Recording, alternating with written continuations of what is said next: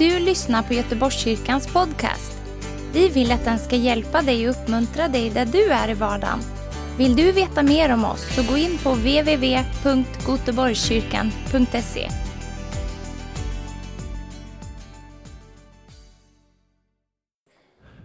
Så underbart. Så gött att se er också, Mattias Eklöf och församlingen eh, Mötesplatsen. Vi ska ju ha dop tillsammans idag. Det blir eh, extra härligt. Vi har ju haft det några gånger nu, så det är ju sådana här traditioner man tycker om. Det är ju, finns ju sådana också. Eh, ska vi se om det funkar här. Den kan, kan säkert ramla ner när jag blir lite för livlig här.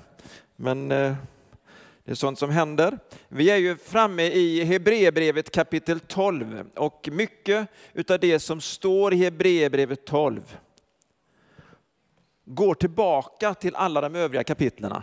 Så det är inte så lätt för dig som kommer in här och inte har lyssnat till föregående predikningar. Men jag ska försöka ändå göra det med en sån helhet en sån fri, fristående som möjligt. Men du som är intresserad och vill veta mer kan gå tillbaka på goteborgskyrkan.se. Där finns det predikningar, många olika eh, predikanter som delar eh, och det är eh, väldigt berikande och eh, det är så mycket om tro, så mycket om frimodighet. Men det är också en del om helighet.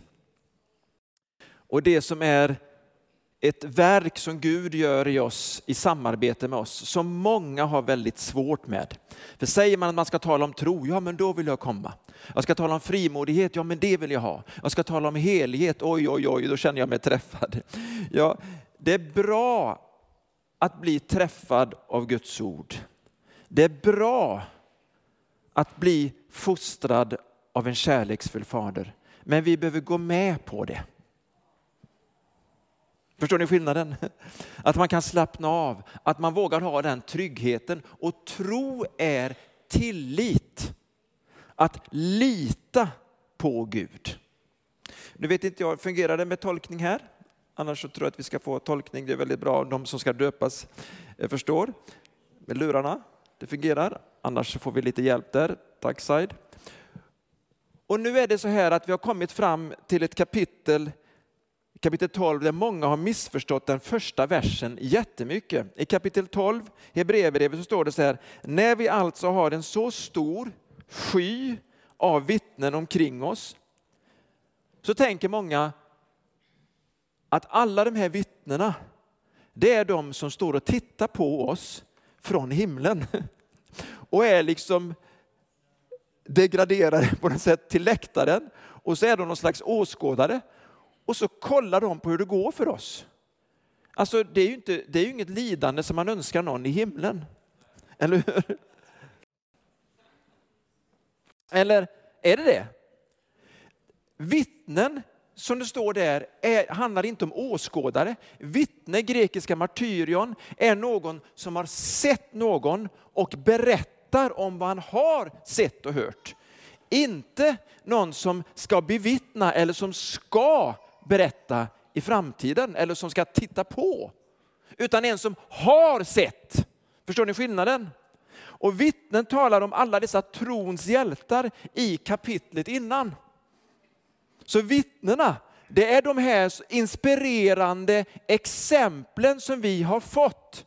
Så att vi också kan springa i mål. Så att vi också kan ta till oss deras tro.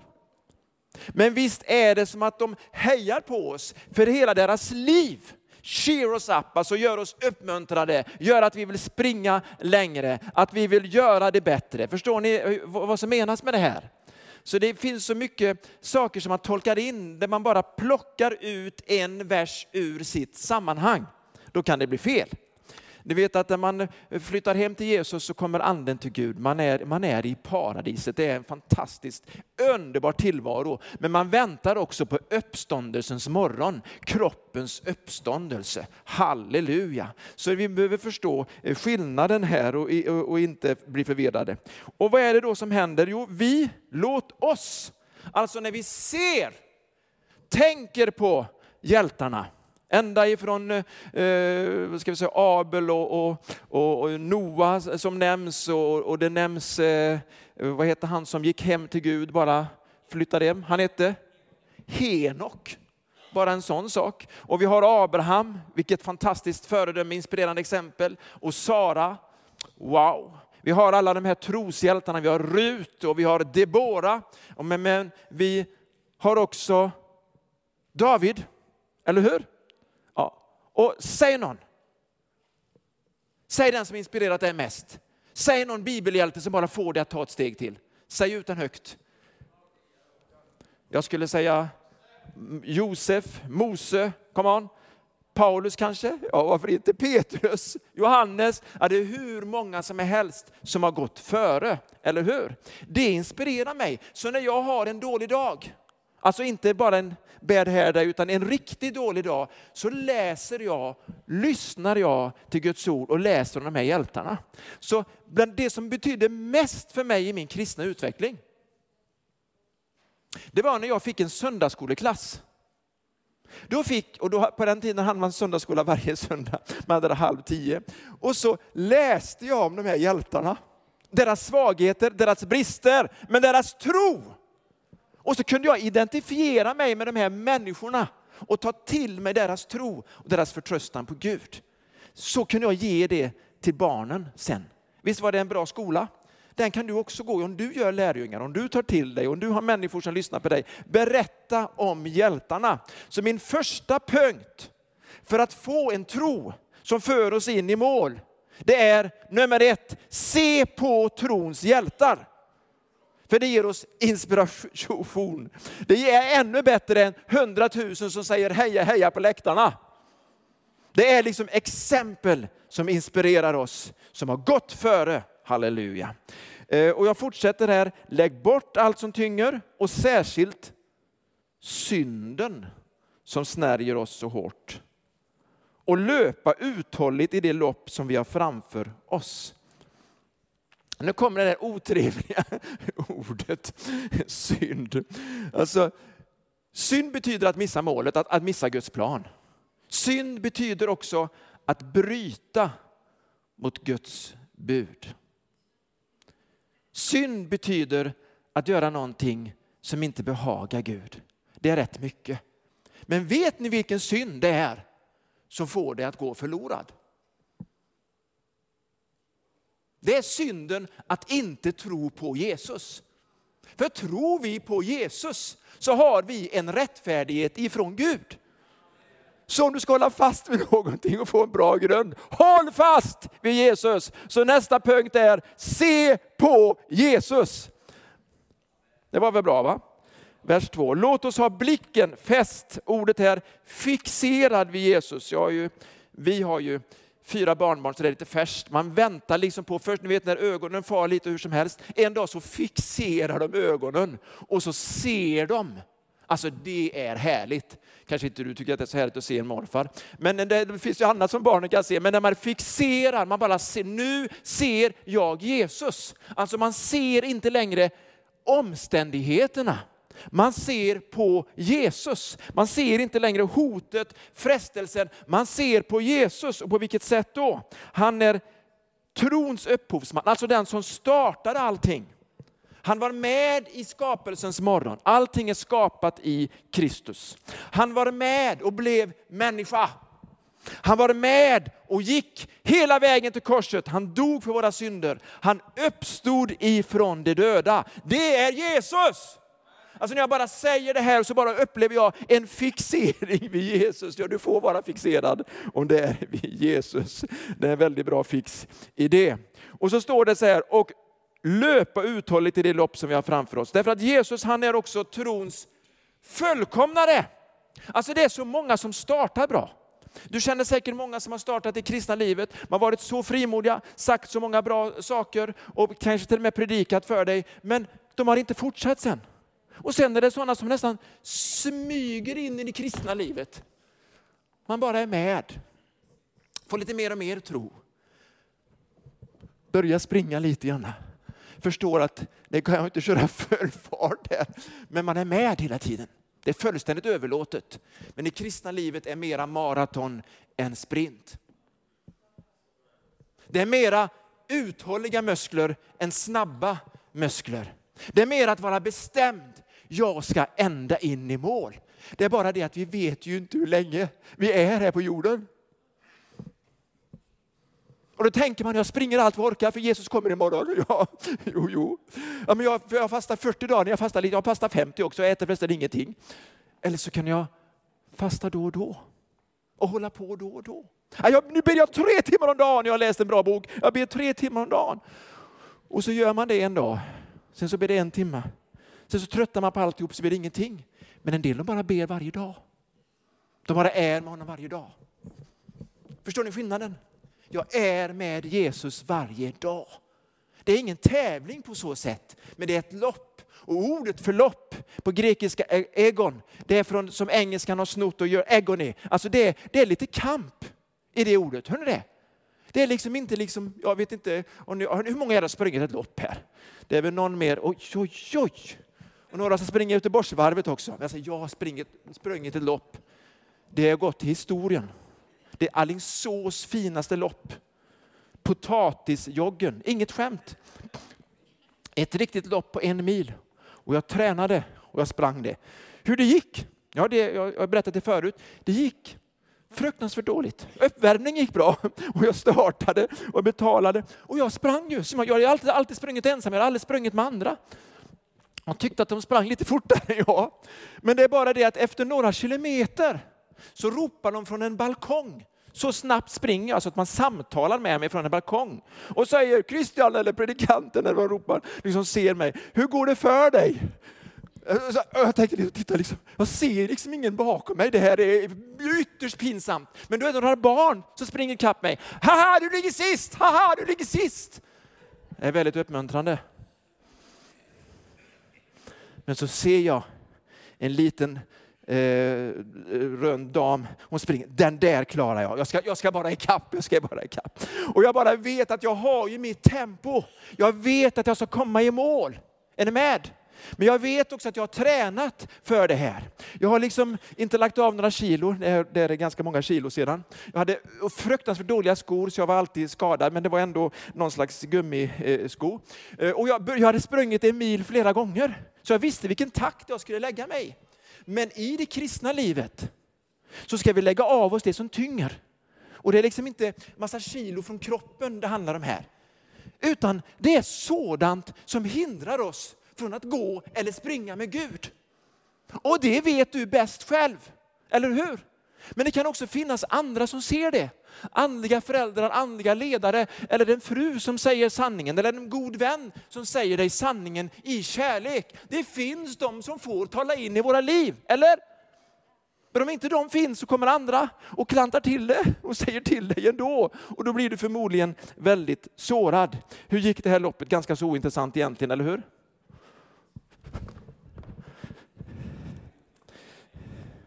Tack för, tack för att ni frågade. tack för att ni frågade. Jag ska fråga dig också Anders nästa vecka hur Göteborgsvarvet gick, men inte offentligt. Jag springer ikapp henne. Och när jag ser att det är fem kilometer kvar, då händer det någonting. Jag börjar komma in liksom i klumpen eller i massan. Här är det många. Jag springer ikapp många. Och sen märker jag att ingen mer springer förbi mig. Visst är det en härlig känsla? Jag springer och springer och när det är två kilometer kvar, nu ökar jag takten. Och det är härligt att springa förbi. Och jag är så pigg. Och när jag ser liksom lite bröder och systrar som också springer så passar jag på att läsa lite bibelord. Jag ska läsa ett sådant bibelord som jag inte kan hålla mig från att citera. Jag, jag säger så här. Jag läser från Filipperbrevet 3, 12, 15. Nu läste inte jag alla de här verserna, men jag citerade fritt därifrån. Inte så att jag redan har gripit det eller redan har nått målet. Filipperbrevet 3, 12, vers 15. Men jag jagar efter att gripa det, eftersom jag själv är gripen av Kristus Jesus. Bröder, jag menar inte att jag har gripit det än, men ett gör jag. Jag glömmer det som ligger bakom mig och sträcker mig mot det som ligger framför och jagar mot målet för att vinna segerpriset i potatisjoggen. Nej, så står det inte. Segerpriset, Guds kallelse till himlen i Kristus Jesus. Så bör vi tänka. Vi som är mogna. Och tänker ni annorlunda i något avseende ska Gud uppenbara också det för er. Alltså det är frimodighet. Han är så frimodig med hur man ska tänka. Man lämnar det gamla bakom sig. Man sträcker sig mot det som ligger framför och så springer man på. Man joggar ända in i mål. Naturligtvis vann jag inte potatisjoggen. Jag har ingen aning om vilken placering jag fick. Men jag kom i mål och jag fick min medalj. Och jag är så lycklig och jag är stolt. Och min fru tänker jag ska sannerligen visa honom. Så på kvällen så springer hon en mil hon också. Visst är det starkt? Alltså liksom, det kunde inte jag få ha den här känslan att jag var den enda i familjen som lyckas springa en mil den dagen. Men det går ju, för man blir inspirerad av andra. Kan gubben så kan jag. Jag vet att det var en uppenbarelse för. Jag säger det, jag säger det tvärtom nu. Kan gumman så kan jag. Eller hur? Kan min syster och kan min broder, kunde Abraham, kunde Sara, kunde kung David eller lille David, kunde Josef som var i brunnen, så kan jag. Hör du vad jag säger? Har du något sånt levande exempel så följ dem. Men följ inte alltid deras karaktär, för då kan det gå fel. För vi tar så lätt efter brister och så tar vi efter en brist hos någon broder eller syster och så ursäktar vi oss med den bristen. Vi ska följa deras tro. Men sen så ska vi vara föredömen. Se på Jesus, trons hövding och han som för dig in i mål. Han också fullbordar loppet. Halleluja. Vad står det mer här? Jo, det står så här om Jesus. Låt oss ha blicken fäst vid Jesus, trons upphovsman och fullkomnare, vers 2, som istället, hör här nu, som istället för den glädje som låg framför honom utstod korsets lidande utan att bry sig om skammen och som nu sitter på högra sidan om Guds tron. Tänk på honom, på Jesus, som måste uthärda sådan fiendskap från syndare. Annars tröttnar ni och tappar modet. Ännu har ni inte gjort motstånd ända till blods er kamp mot synden. Alltså de hade inte blivit martyrer än. Ni har glömt den uppmaning ni får som söner. Jag väntar med den och fortsätter att fokusera på Jesus. För det som Jesus har gjort för oss, det kan vi inte läsa för mycket. När vi firar nattvard och tänker på vad Jesus har gjort för oss, då händer det någonting, vi får nytt mod. När vi läser i evangelierna om Jesus, berättar för andra om Jesus, då fokuserar vi Jesus. Halleluja! Att få vara med som jag var med i fredags eh, tillsammans med, med eh, Maria Nilsen och Bets i de här olika skolorna i Göteborg. Och bara höra om vad Jesus hade gjort och Jesusfokuseringen och sen vara med här på fredagskvällen i detta pre-konferensmöte. Finns för övrigt på Facebook och TV Vision Sverige. Vilken inspiration! Håller du med? Alltså ju mer, alltså vi kan inte få för mycket utav fixeringen av Jesus. Det händer någonting och vi springer på. Är det någon som känner igen sig så säg i alla fall halleluja. Om du inte känner igen dig så säg ingenting. Halleluja. Och så står det sen. Det här, det här, den här delen kanske var den enkla delen på ett sätt.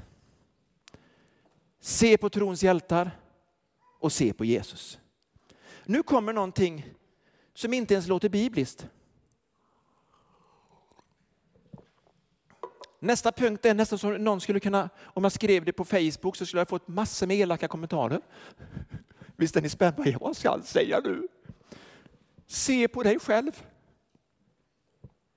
Märkte att det hände någonting här inne? Det ska vi väl inte göra? Vi ska ju se på Jesus. Det är ungefär som att säga, vi ska väl bara älska Gud. Vi ska väl inte älska oss själva? Vi ska väl bara älska Gud, vi ska väl inte älska andra. Vi ska älska Gud, vi ska älska andra, vi ska älska oss själva. Vi ska se på trons föredömen.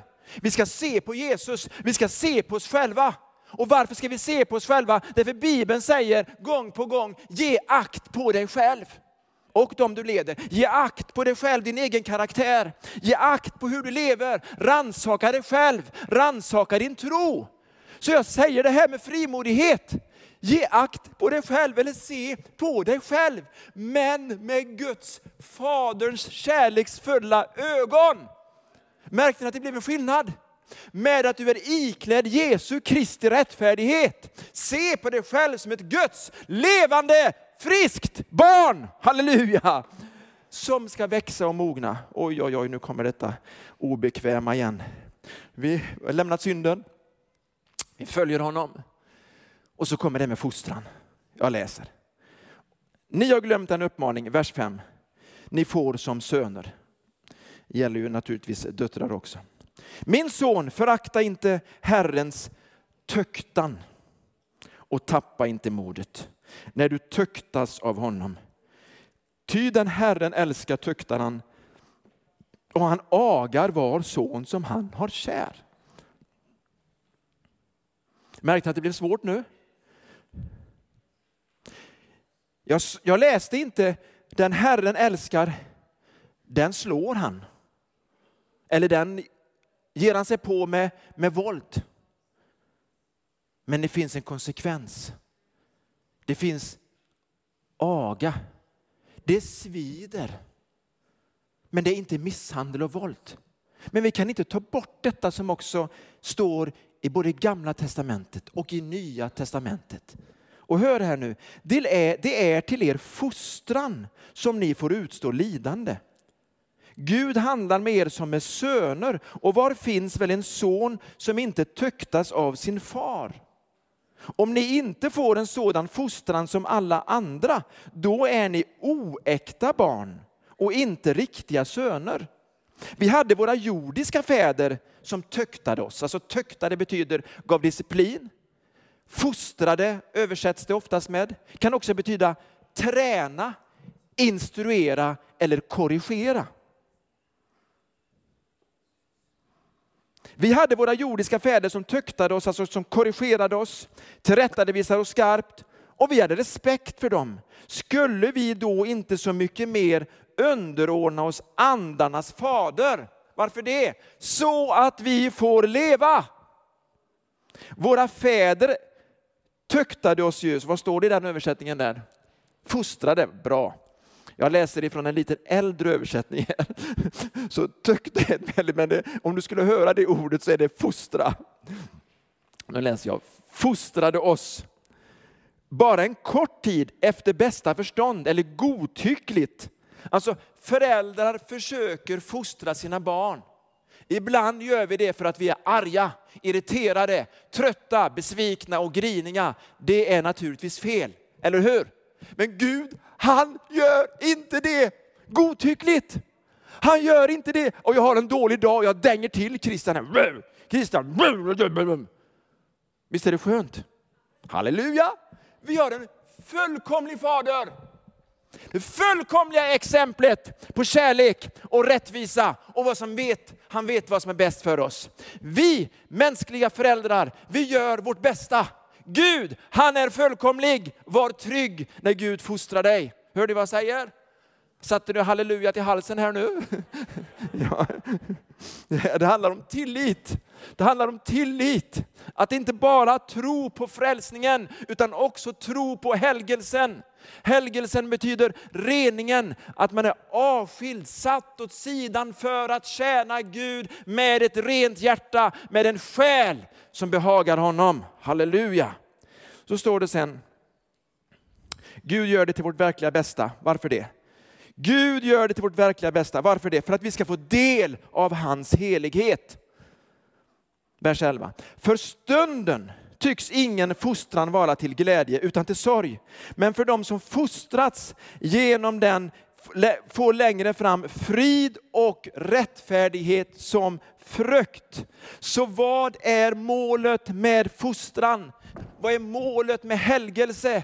Vad är målet med att Gud säger till oss eller låter det få konsekvenser när vi gör fel, när vi är olydiga? Vad är målet? Det är helighet. Det är rättfärdighet. Det är frid. Vill vi ha det i våra liv? Ja. Alltså jag vet att många grejer, är det någon som har grejat i sin trädgård, hunnit med det? Första maj regnar nästan bort. Eh, eh, eh, allt, vad heter det? Balkongen var det va?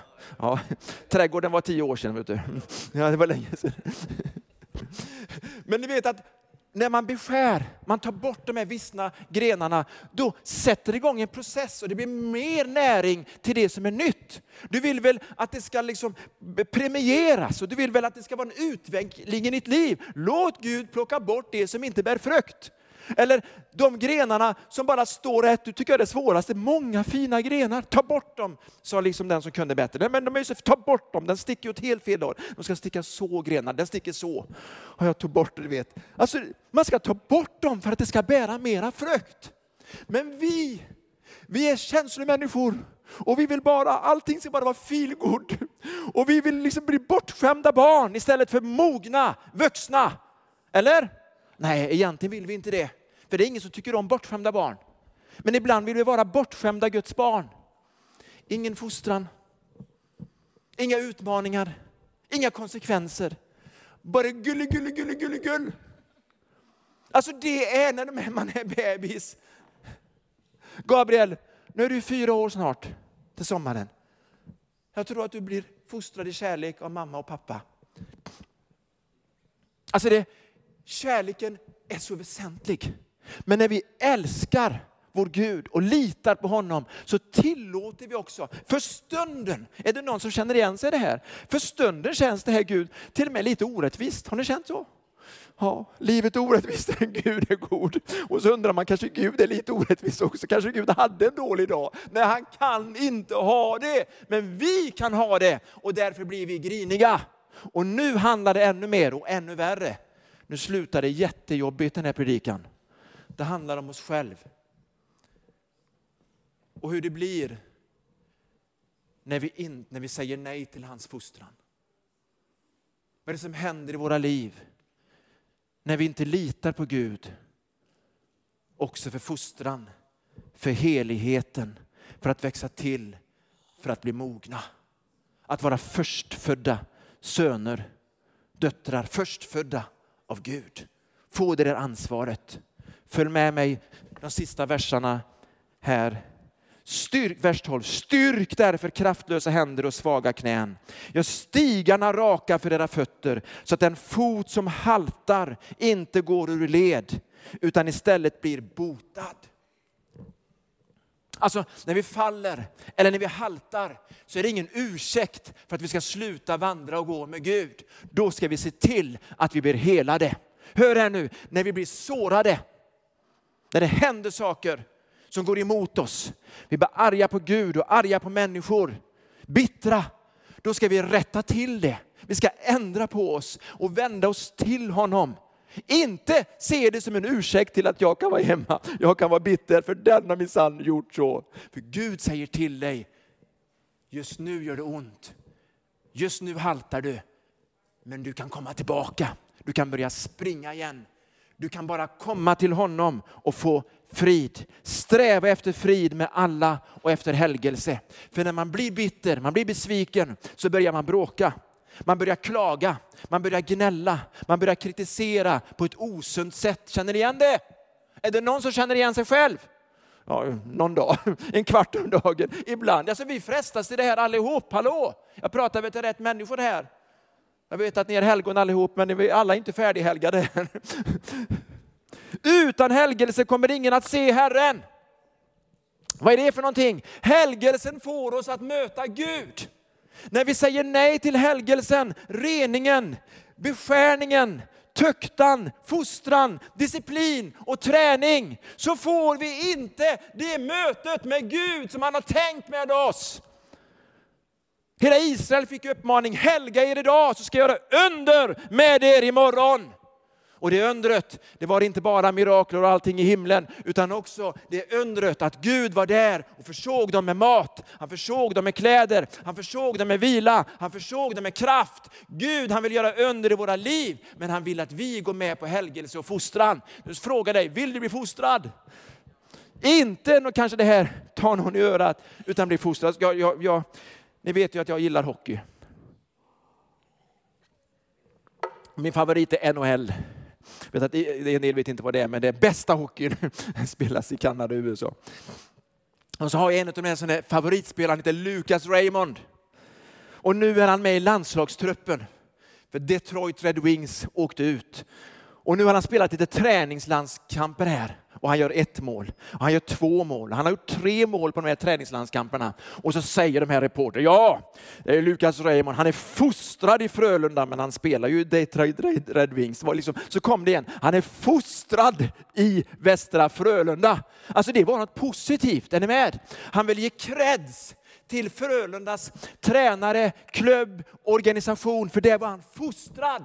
Alltså det är något positivt i idrottsvärlden att bli fostrad. I familjen så ska det vara positivt. I församlingen ska det vara positivt, för det betyder disciplin.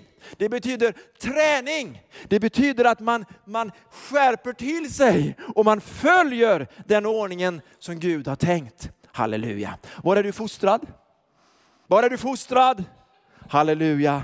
Det betyder jättemycket sen när du sänds ut härifrån i Jesu namn. Och så kommer det några mer versar. Se till att ingen går miste om Guds nåd. Se till att ingen bitter rot skjuter skott och vållar skada och många smittas. Nu blir det lite jobbigt här va? Det finns ju malört, det är en bitter rot. Det finns rötter som bara tar över. Hur många har rensat kirskål här? Och munkarna som tog ut dem, Gud förbarmar sig över dem. Alltså munkarna inte kirskålen. Deras rötter går ner så här och så är de så, så tunna. Så går de ner så här och så går de så sen. Hur ska man rensa sådana? Eller hur ska man kunna rensa bort parkslide? Eller som vi har jätteparkslide när rötterna går ner så och sen så går de så. Du får ta en grävskopa och man säger att inte ens det hjälper. Min pappa som är en smart man, han fick inte upp en rot i sin trädgård. Men då säger han till sina söner, visserligen vuxna söner, och så säger han på ett sätt som man gör som pappa, ni som är starka, kan inte ni ta upp den här roten? Det, det, jag vet inte ens om ni klarar av det, sa han. Hur reagerar två söner då? De tänker, vad tänker de? Vad skönt, det tror inte vi heller. Nu fortsätter vi och leker med våran padda. Nej, vi bara vi tänker, det här ska vi ta. Och vi är där och vi gräver och vi liksom gör alla de här knepen med, med yxa och med såg och gräver runt. Och, och vi får inte upp den här roten. Jag tänker, vad ska vi göra? Så säger jag, pappa vet om det här. Han ska liksom inte få rätt. Vi ska klara av det. Hur gör vi? Vad gjorde vi? Bodis han har hört det. Vi tar snöre runt huvudroten och så surrar vi den till bilen. Repet genom staketet, smyger in det på det här området där man är, ja, det är preskriberat nu, lovat vara Herrens namn. Kör in där där man inte får köra in. Och så bara rivstart. Och så kommer första staketet upp och sen så kommer roten upp. Och tänkte, nej. Men vi lyckades i alla fall få upp roten. Alltså det var en sån triumf, jag ser det framför mig för den sprider sig i hela trädgården. Det finns sådana rötter. Kärleken till pengar, nästa kapitel, en sådan rot. Bitterheten börjar ofta som besvikelse som vi inte bekänner som besvikelse. Och bitterhet är faktiskt en av de synderna man har svårast att bekänna. Det är klassiskt humor att säga jag är inte bitter. Det är klassisk humor att säga jag är inte bitter. Så har det blivit. Därför att man vet att det är så lätt. När ska man ta de här bittra rötterna? När ska man ta kirskålen? Så fort du ser dem nu på våren. Direkt. Framförallt inte när de blommat. Då, men du tar det direkt. När ska man ta parksliden? Direkt. Så ska man bara trötta ut dem. När ska man ta bitterheten? När den här besvikelsen kommer. Den där missräkningen, den där människan som sårade dig, eller den där som hände i ditt liv. Är det det som du tänkte Gud hade lovat dig men som inte händer? När ska jag ta bort det? Direkt! Innan det mognar. Hör du vad jag säger? Men om du har en så stor bitterhet, en så riktigt kraftfull bitterhet, så behöver du mer än bröders kraft. Då behöver du motorkraft, eller ännu bättre helige ande. Och när så far upp lite staket och, och lite jord och lite saker, så får det vara så därför att den bittra roten måste bort i Jesu namn. Den går bort genom bekännelse. Inte genom att du bekänner hur illa andra har betett mot dig. Inte genom att du berättar hur dåliga alla andra är, utan att du säger Gud, jag har syndat mot dig. Jag gjorde fel. Jag har tänkt illa. Jag tar min del. Herre, förlåt dem. De vet inte vad de gör. Vill du bli av med den bitterheten? Vill du bli av med besvikelsen som du kallar den? Det kan behövas helig andes kraft. Men vägen är inte att du bekänner andra synder eller förtalar andra eller är besvikna på andra, utan att du bekänner dina egna. Och så ska den bara och så ska helig ande komma över dig. Och människor kanske behöver be för dig och det kanske är en process. Det tog flera timmar för oss att få bort den roten. Att rensa i landen tar mer än flera timmar. Det tar flera timmar varje vecka. Det är en process, halleluja. Och för att fortsätta och inte vara bitter så ska du eh, istället så och plantera det goda så att det goda tar över, halleluja. Kärleken, glädjen, tacksamheten, lovsången och framförallt jag talar om tron som bara prejar ut, detroniserar, övervinner bitterheten i våra liv. Säg jag är inte bitter. I Jesu namn. Amen. Woo. Nu trodde ni att det värsta hade kommit. Men vi har ju några minuter kvar. kommer ännu svårare, två värsta kvar. Bara två verser kvar. Var uthålliga och kommer snart i mål. Se till att ingen av er är otuktig. Otuktig är ett ord som betyder sexuell orenhet, eller egentligen från början all form av sex utanför äktenskapet. Eller oandlig, som Esau. Oandlig, det är tillstånd när man är helt profan, alltså världslig översätter många det här med. Alltså man släpper inte in Guds ande i sitt tänk. Esau, han var oandlig. I utbyte mot ett enda mål mat lämnade han ifrån sig sin förstfödslorätt. Måste bara läsa det här. Det är så smärtsamt att en av patriarkernas söner, Esau, levde ogudaktigt, orent. Men han var en jägare, han var en stark man. Han var pappas, pappa, ja, pappa Isaks eh, favorit. Han hade kommit ut först utav de här tvillingarna och lillebror höll honom i hälen sådär. Men Jakob han var mammas favorit. Och det hade varit en profetia att den äldre skulle tjäna den yngre. Och mamman visste så mycket om det. Men det märks att de har olika karaktärer, Jakob och Esau. Och jag läser här ifrån första Mosebok.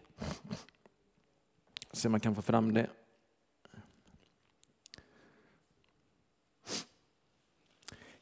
Kapitel 25, vers 29 till 34.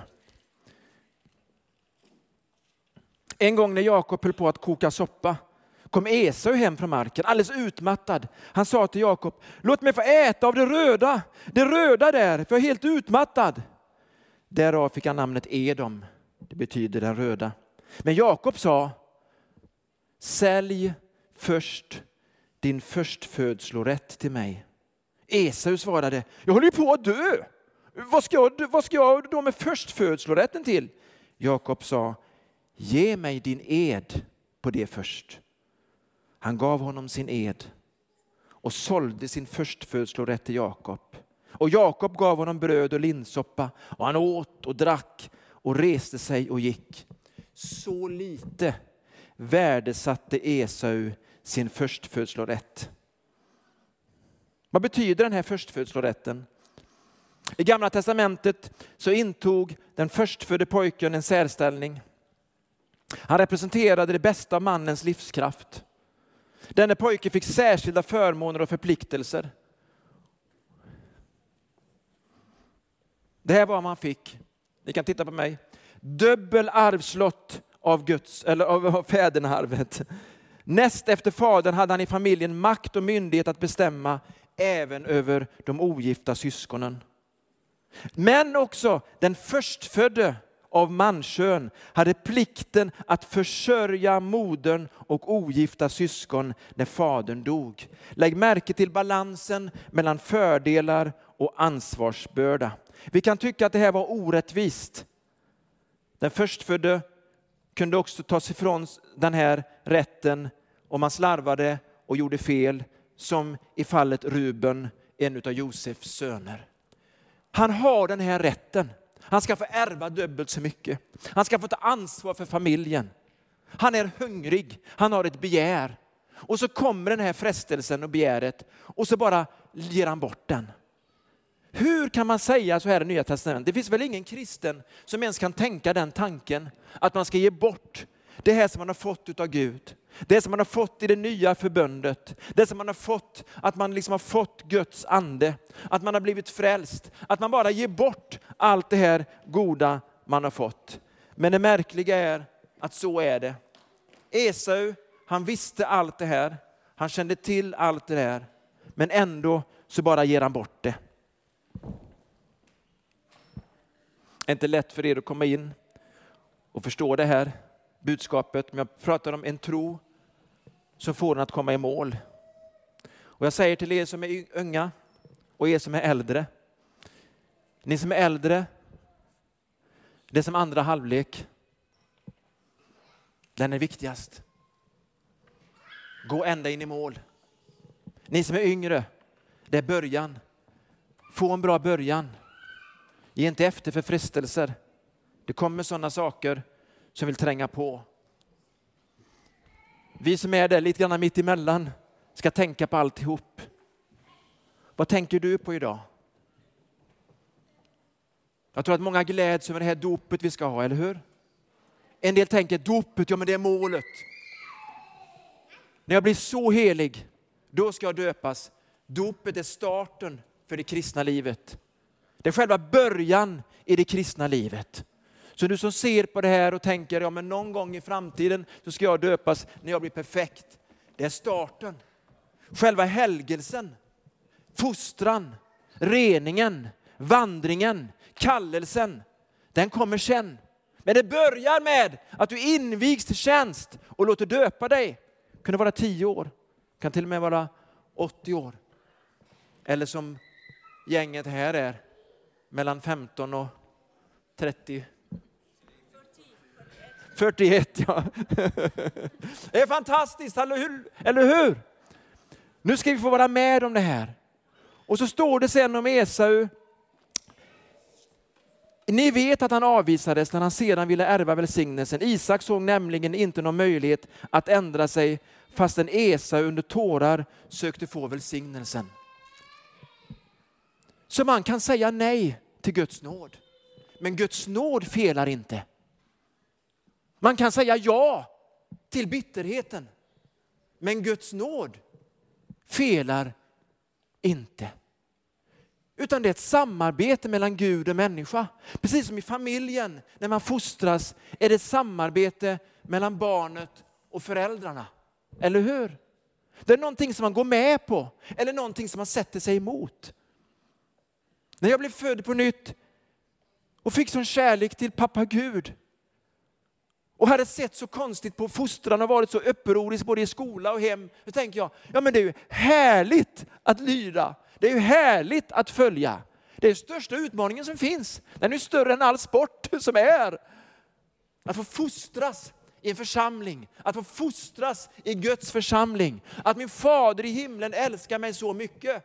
Men jag ska inte säga att jag säger halleluja när det kommer jobbiga dagar men jag försöker ändå tacka Gud, ta mig igenom. Men jag vet att det kommer sådana dagar, men jag ska ända in i mål. Jag vet att det kommer frestelser. Alltså när jag är ute och springer här i Bergsjön, jag har flyttat hit, och så springer jag så jag har bestämt mig att jag ska springa en mil. Och så ser jag hallon. Och jag älskar hallon, är det någon mer som älskar hallon? Alltså skogshallon är så underbart så jag, jag tänker, jag kan ju inte liksom springa. Tänk om någon annan tar de hallonen. Men jag springer ändå, jag springer ändå, för jag är så bestämd om det här. En annan dag så kunde jag faktiskt plocka de hallonen, för det var inte synd, det var en distraktion. Är du med vad jag menar? Ibland kan det vara det näst bästa som hindrar oss från att nå det bästa. Vi tillåter oss så mycket när Gud säger, nu ska du tala med den. Nu ska du lägga av med det. Nu ska du börja med det. Det är att fostras efter Guds vilja. I Jesu namn. Amen. Visst var det en bra predikan? Det kallas för ledande fråga. Den var speciell ja. Det är ungefär som vi säger när vi får mat vi inte känner till. Den var speciell. Vad sa du? Ja, tack så mycket Hamide. Jag är glad. Jag är glad för er. Jag är er i vår mansgrupp. Det låter lite roligt men vi har en lite blandad mansgrupp. Vi är inte förvirrade, jag lovar. Vi är bara välsignade. Och där har Hani blivit frälst. Och Hussein som ska kalla sig för ett nytt namn nu. Ja, det tar vi sen. Och Erfan. Halleluja. En sån välsignelse. Min frisörs systers son. Ja, men i alla fall. Mm? Sam. Ja, inte Hussein. Sam. Ja. Underbart. Jag tror att vi ska vi bara köra på med dopet här eller? Är vi redo för det? Ni är med lovsången? Vi står upp bara så ska vi tacka Gud. Och så gör ni er redo. Och även Mattias med din dopkandidat.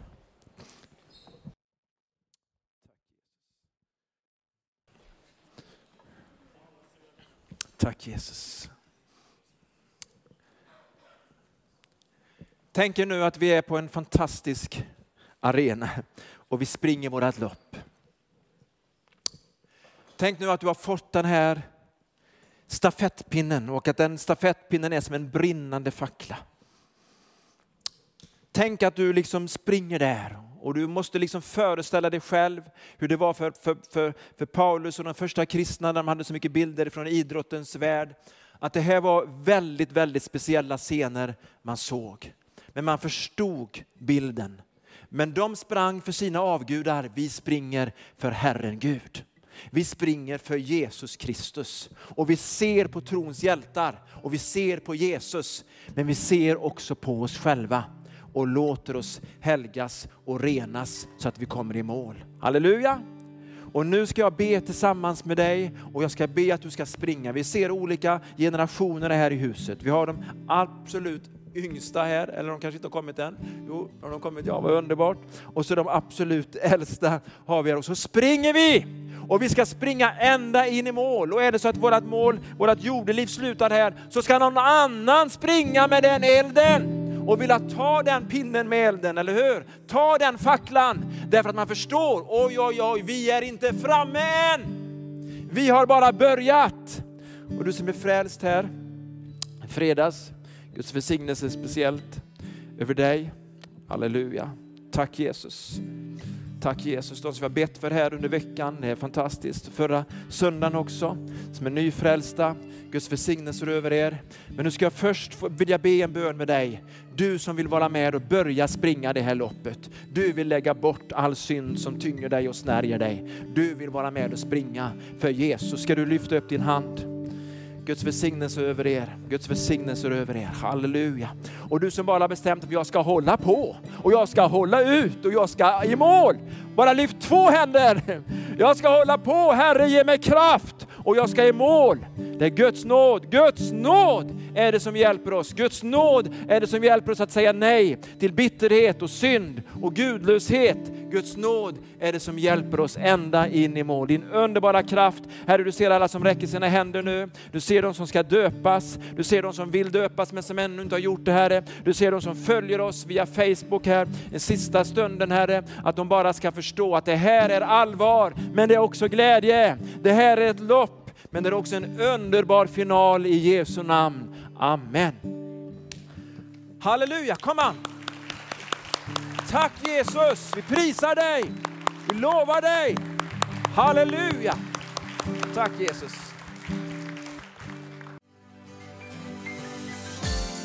Tack för att du har lyssnat. Dela gärna podden med dina vänner och glöm inte prenumerera. Om du har frågor eller vill att vi ska be för något så mejla oss på info På söndagar har vi veckans höjdpunkt. Då firar vi gudstjänst tillsammans och det vore så kul att träffa dig där. Men vi har även samlingar för barn då?